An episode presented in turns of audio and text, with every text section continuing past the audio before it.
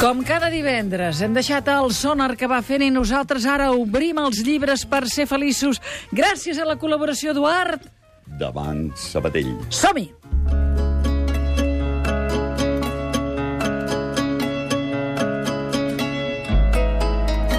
Però la mestressa, la mestressa de cabells blancs, em seguia escrivint aquelles notes. Era de Bridgeport, Connecticut. El seu marit havia mort i ella estava sola al món i no confiava en ningú. No s'ho podia permetre, m'ho va dir. I em va dir també que havia de pagar. Se m'acumulava com el deute nacional. O pagava o me n'anava, fins a l'últim cèntim. Devia cinc setmanes, 20 dòlars, i si no els pagava, se'm quedaria els baguls. L'únic que passava era que jo no tenia cap bagul, només tenia una maleta, i era de cartró. I no tenia ni corretge, perquè la duia a la cintura aguantant-me els pantalons. I tampoc no servia de gaire perquè hi havia poca cosa als meus pantalons. Acabo de rebre una carta del meu agent, li vaig dir. El meu agent de Nova York. Diu que n'ha venut un altre. No m'ha dit on, però diu que en té un de venut. Així que no es preocupi, senyora Hargraves. No passi ànsia. Li ho tindré d'aquí un dia més o menys. Però era incapaç de creure's un mentider com jo. Què estem sentint avui, Que com Marc? ho veus, això? Ho veig bé. Ho veus bé, no? Ah, Potent. sí, perquè avui avui tenim un escriptor d'aquells d'aquells que n'hi ha pocs. Què? Eh? Avui tenim a John Fante. mm? John I Fante. John Fante, escriptor nord-americà, amb una novel·la que per a molta gent està considerada la seva obra mestra. El títol ja és extraordinari. Pregunta-ho a la Pols. Poca broma, quin títol, eh? Pregunta-ho a la Pols, eh? la Que Pols. bèstia, això, eh? Sí, sí, per partida doble. Bé, qui és el protagonista de Pregunta-ho a la Pols? És el mateix protagonista de quatre novel·les, d'un grup de quatre novel·les, del qual Pregunta-ho a la Pols és la segona. Atenció, estem parlant d'un llibre de l'any 1939. Jo no Sí? havia nascut, llavors, encara. 1939. Estava a punt, estava a punt de trencar aigües, la meva mare. No diguis Perquè mentires. fixa't que, que, que ens acaben de parlar Jean-Michel Jarre, vull dir que vull dir, ja ve enllaçar amb l'època que la meva mare... Jo sí, sí, és que té anys, eh, ja. Sí, per això t'ho dic. Bé, el- 1939. El disc Oxigen, o sigui, t'ho eh, tot just gatejàvem. Exacte. Sí. Per tant, 1939, Pregunta la Pols, la quarta novel·la de la sèrie dedicada a l'Arturo Bandini. John Fante va decidir escriure quatre novel·les amb un alter ego seu, per no parlar de si mateix, però en el fons és com si parlés de si mateix, Arturo Bandini.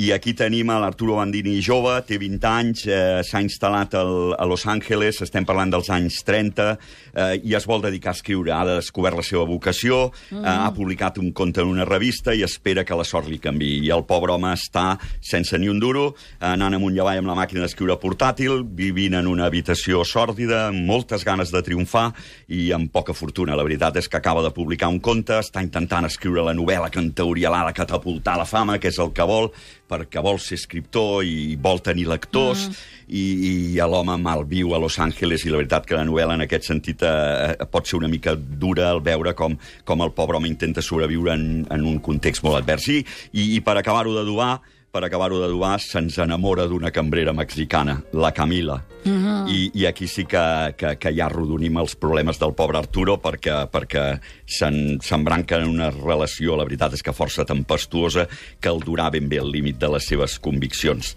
i de les seves creences. Som-hi. Això ens va remoure els dos. Va portar-me fins a l'hotel i va pagar el motor. Vaig pensar si teníem alguna cosa més a dir-nos, però no hi havia res. Vaig sortir. Vaig saludar-la amb el cap i vaig anar cap a l'entrada de l'hotel. Entre espatlla i espatlla vaig notar els seus ulls com ganivets. Quan vaig arribar a la porta vaig sentir que em cridava. Vaig tornar cap al cotxe. No em faràs un petó de bona nit? Li vaig fer un petó. Així no.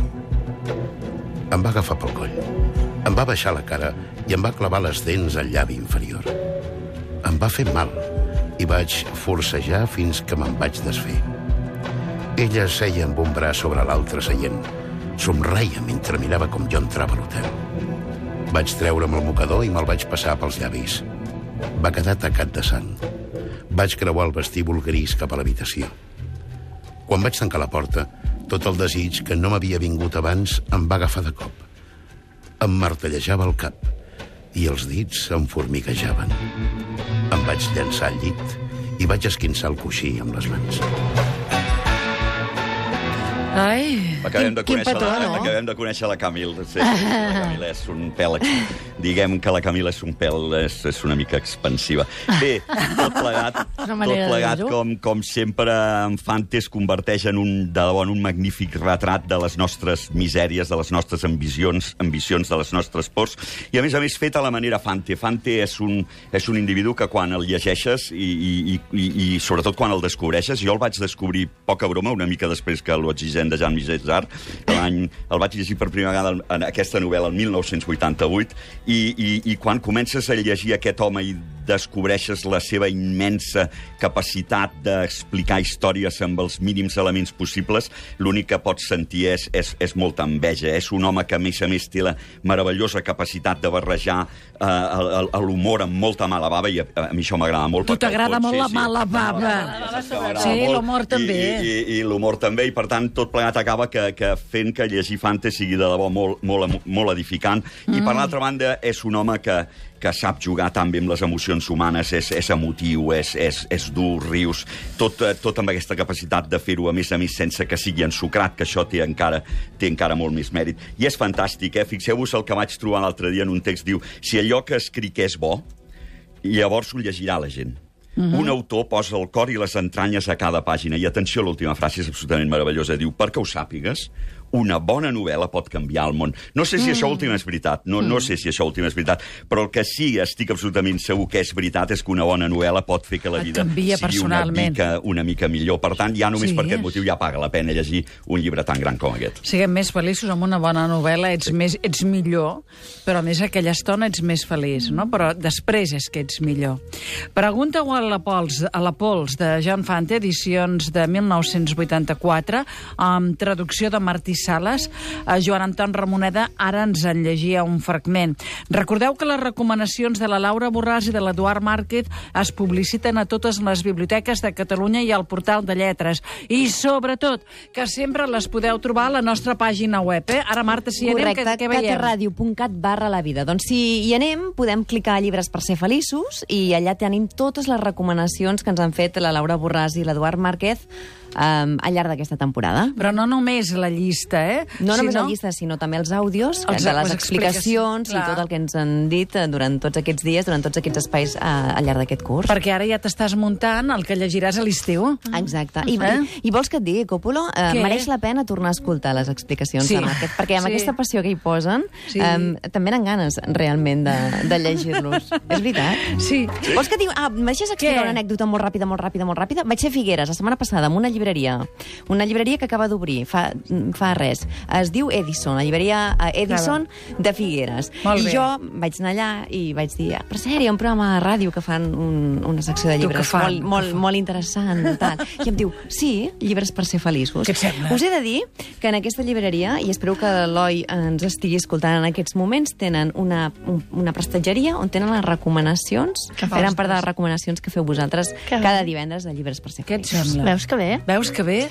Cada vegada més. Va, Laura, Clar què ens en sí. volies dir del teu llibre? Bueno, i avui, clar, com que l'Eduard va triar aquest títol eh, eh, tan potent de Perduts en la pols eh, i ens ha explicat ell al començament que, a més a més, és una història que d'alguna manera ve a ser la d'un alter ego del propi escriptor John Fante, jo la idea de la pols eh, i la cendra i la idea d'un alter ego em va fer pensar, eh, perquè a més a més el, el cap de setmana passat vaig ser a Roma i vaig poder veure i viure al lloc on físicament està l'autor d'aquest text, que és uh, Giordano Bruno, doncs vaig pensar en el sopar de cendra, eh? la cena de le ceneri, el sopar de, de cendra, que ha traduït magníficament Anna Casasses i que va guanyar el Premi Vidal Alcover de traducció.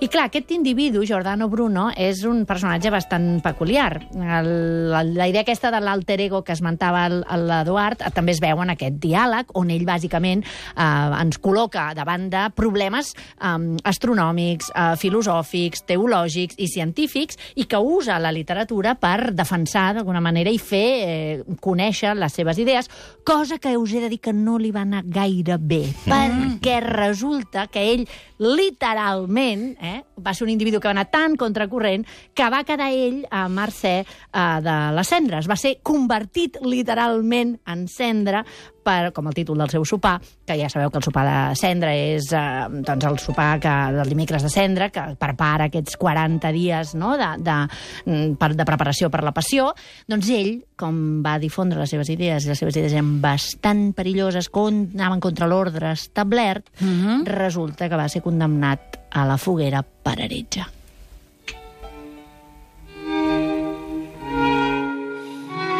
A part que no em puc enamorar de res que no hagi vist. D'altres. D'altres n'hi ha que m'han encadenat l'ànima.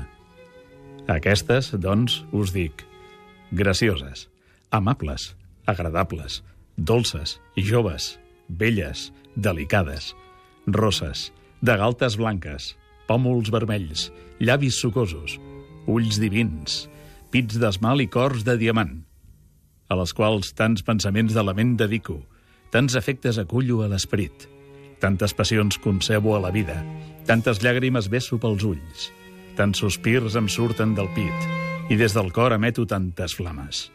A vosaltres, musses d'Anglaterra, us dic, inspireu-me, parleu-me, escalfeu-me, enceneu-me, espremeu-me i reduïu-me licor, convertiu-me en suc i feu-me compareixer no pas amb un petit, delicat, raquític, curt i succint epigrama, sinó amb una copiosa i àmplia vena de prosa llarga, corrent, gran i forta, amb la qual, no com d'un estret càlam, sinó com d'un ample canal, faci rajar els meus rius. I tu, Nemosin meva, amagada sota 30 segells i tancada a la llòbrega presó de les ombres de les idees, canta'm una mica, cau d'orella. Heu vist quina invocació a les muses més absolutament Això desmesurada. feu unes coses una mica estranyes. avui, Hauríem de això. començar cada dia així. Inspireu-me, Sí. parleu-me, escalfeu-me, enceneu-me, espremeu-me... Eh? Fixeu-vos com, què diu un escriptor a les muses perquè Nemòsine li parli a cau d'orella. En aquest diàleg, que, en, en el sopar de les cendres, Bruno eh, tria, se n'en riu del mort i del que el vetlla, va contra molts dels, eh, dels pares de la ciència d'Oxford, i, i, i apareixen moltes temàtiques. És un diàleg excessiu, um, desfermat, eh, com ja podem veure amb aquesta invocació a les muses. Ell mateix fa servir el que parla d'ell en tercera persona, eh, com si fos Juli César, el Nolà, perquè ell és nascut a Nola, amb, al prop de Nàpols, parla d'ell com aquell que ha fendit l'aire i ha penetrat al cel, ha examinat les estrelles i ha traspassat els marges del món. Algú que pensa d'ell mateix, que ha fet tot això, Sí. que va apostar per les idees de Copèrnic, que, atenció, va ser una revolució de la qual la literatura també se n'ha fet ressò. Hi ha poemes de John Donne que quan parla de que ara hi ha un nou ordre del món i hem perdut el nord, significava passar, per entendre'ns eh, breument, el que representava la teoria, la teoria geocèntrica, que era la que la Terra era el centre de l'univers, i tot girava al seu voltant, eh, el Sol, i la teoria heliocèntrica, que és el, el Sol que està al centre de l'univers i que són els planetes els que giren al seu voltant. Això representa un canvi dins l'ordre del món i aquesta teoria eh, copernicana, la revolució copernicana, mm, Giordano Bruno la va, va apostar per ella. Ho va fer de tal manera que eh, fins i tot va anar una mica més enllà i va ser condemnat per l'Església. Va fer un periple per Europa, que és també on va anar a escriure aquest llibre, perquè va haver d'anar saltant perquè hi havia... Eh, requisició. Estava, exacte, estava buscat i va ser traït finalment, va rebre un encàrrec a Venècia, va anar fins a Venècia i el van extradir de Venècia a Roma, on ja va ser jutjat. Sis anys de presó. Sis anys de presó. Què vol dir? Sis anys de tortura, perquè les presons de la Inquisició, eh, hotelets mm, No de ho cinc eren, estrelles, no ho eren. no ho eren. La Inquisició, que recordem que estava... Mm, bueno, una, un, un organisme que el, estava eh, vetllant eh, eh, per suprimir l'heretgia i van santificar, atenció, la tortura, l'assassinat, eh, els càstigs, l'ajusticiament de naturalesa que sigui, com el modus operandi necessari per preservar la veritat i el poder de la jerarquia És que tu catòlica. imagina't eh, el, el significat de la paraula eh, ajustici, com es diu? Ajusticiament. Ajusticiar vol dir que el mates. No, vol dir que, clar, en Vol aquest dir senyor, això, a fer més justícia matant-lo. no t'ho perdis, que aquest senyor que es va morir al Campo dei Fiori, eh, la sentència van dir que era havia de morir piament, Sí. sense profusió de sang. Això, teòricament, és un argument a favor de la pietat cristiana. Imagineu-vos el que representa, que et tallin el cap, posem per cap, que és una de les morts eh, que hi havia, a que et cremin.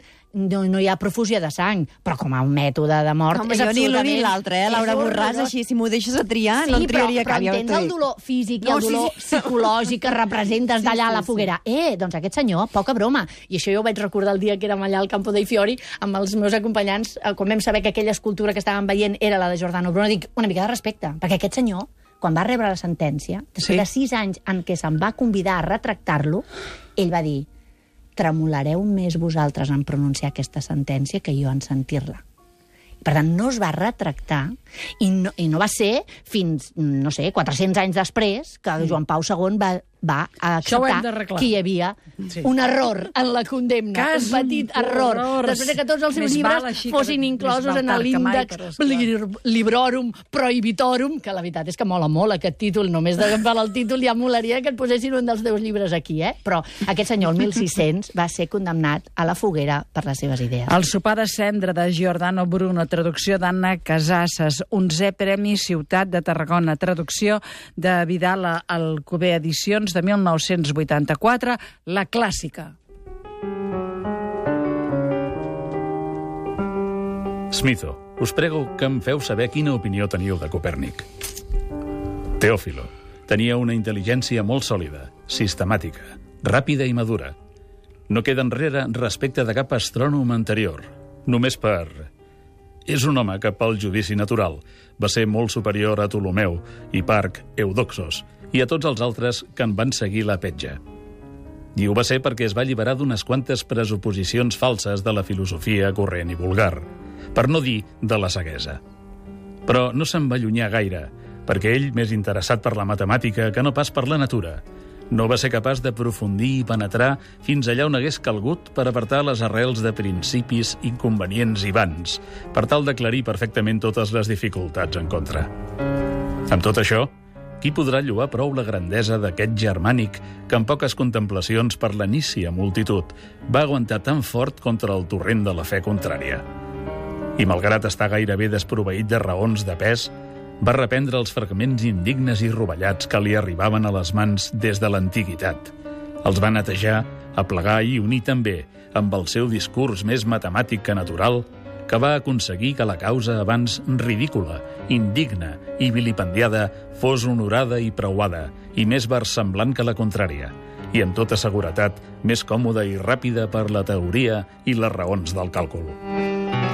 Digues, Laura. Mira, jo, aquest fragment es veu clarament no, que li demanen què pensa sobre Copèrnic, algú que parla de les seves teories i que d'alguna manera les supera. Però m'agrada aquesta imatge de, de, de com incorporem l'antiguitat. Abans parlàvem del sonar, la modernitat com a absoluta, nosaltres hem tirat enrere eh, eh, fins, a, fins a finals del segle XVI, començaments del segle XVII. Fixeu-vos com diu quina és la feina que fa Copèrnic, com a metàfora del, que, del que representa l'evolució. Va reprendre els fragments indignes i rovellats que li arribaven de la- l'antiguitat i els va netejar, aplegar i unir tan bé afegint-hi el seu discurs.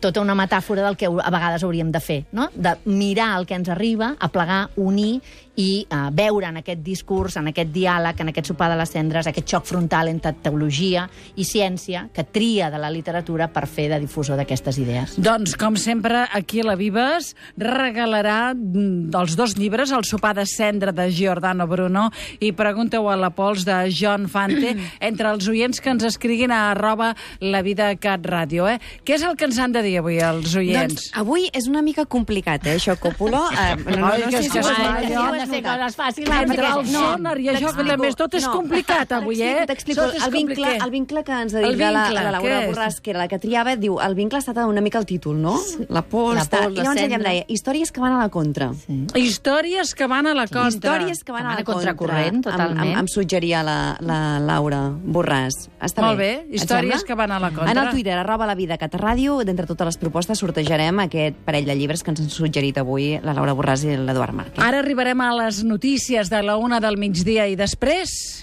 i sobretot, sobretot, eh, créixer amb els meus fills. Vull dir, els reptes de veure com, cap on van, què els hi puc aportar, i que dins del temps que gestiono la meva vida, ells siguin una part important.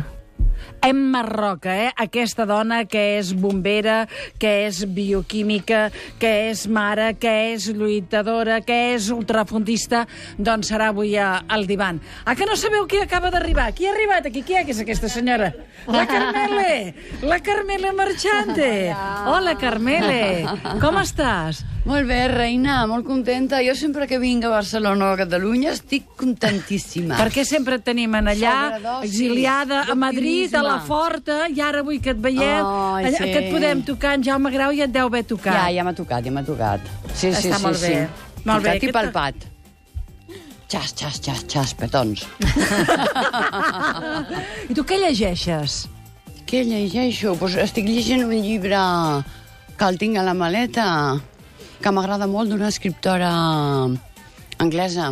No recordes Però, el nom? No, el- Ara te'l miraràs. No, d'un escriptor anglès, Els amants del Danubi. Els amants del, del Danubi, de Ara busquem, eh, això. Clara. Janés. Eh? Del, de, de, perdona, de... Ara ho buscarem, no De pateixis. Janés, sembla que és. Molt bo, Molt bo. boníssim. A veure, què deies, Marta? No, que està, he anat aquí perquè just ha entrat la Carmele i s'ha revolucionat el públic que, que tenim avui de l'escola Ah, sí? Joan Pellegrín d'Hostafrancs. Et coneixen molt, eh, Carmele? Ets, ets superfamosa. Bones, avui estic horrorosa. Què, què us sembla, la Carmele?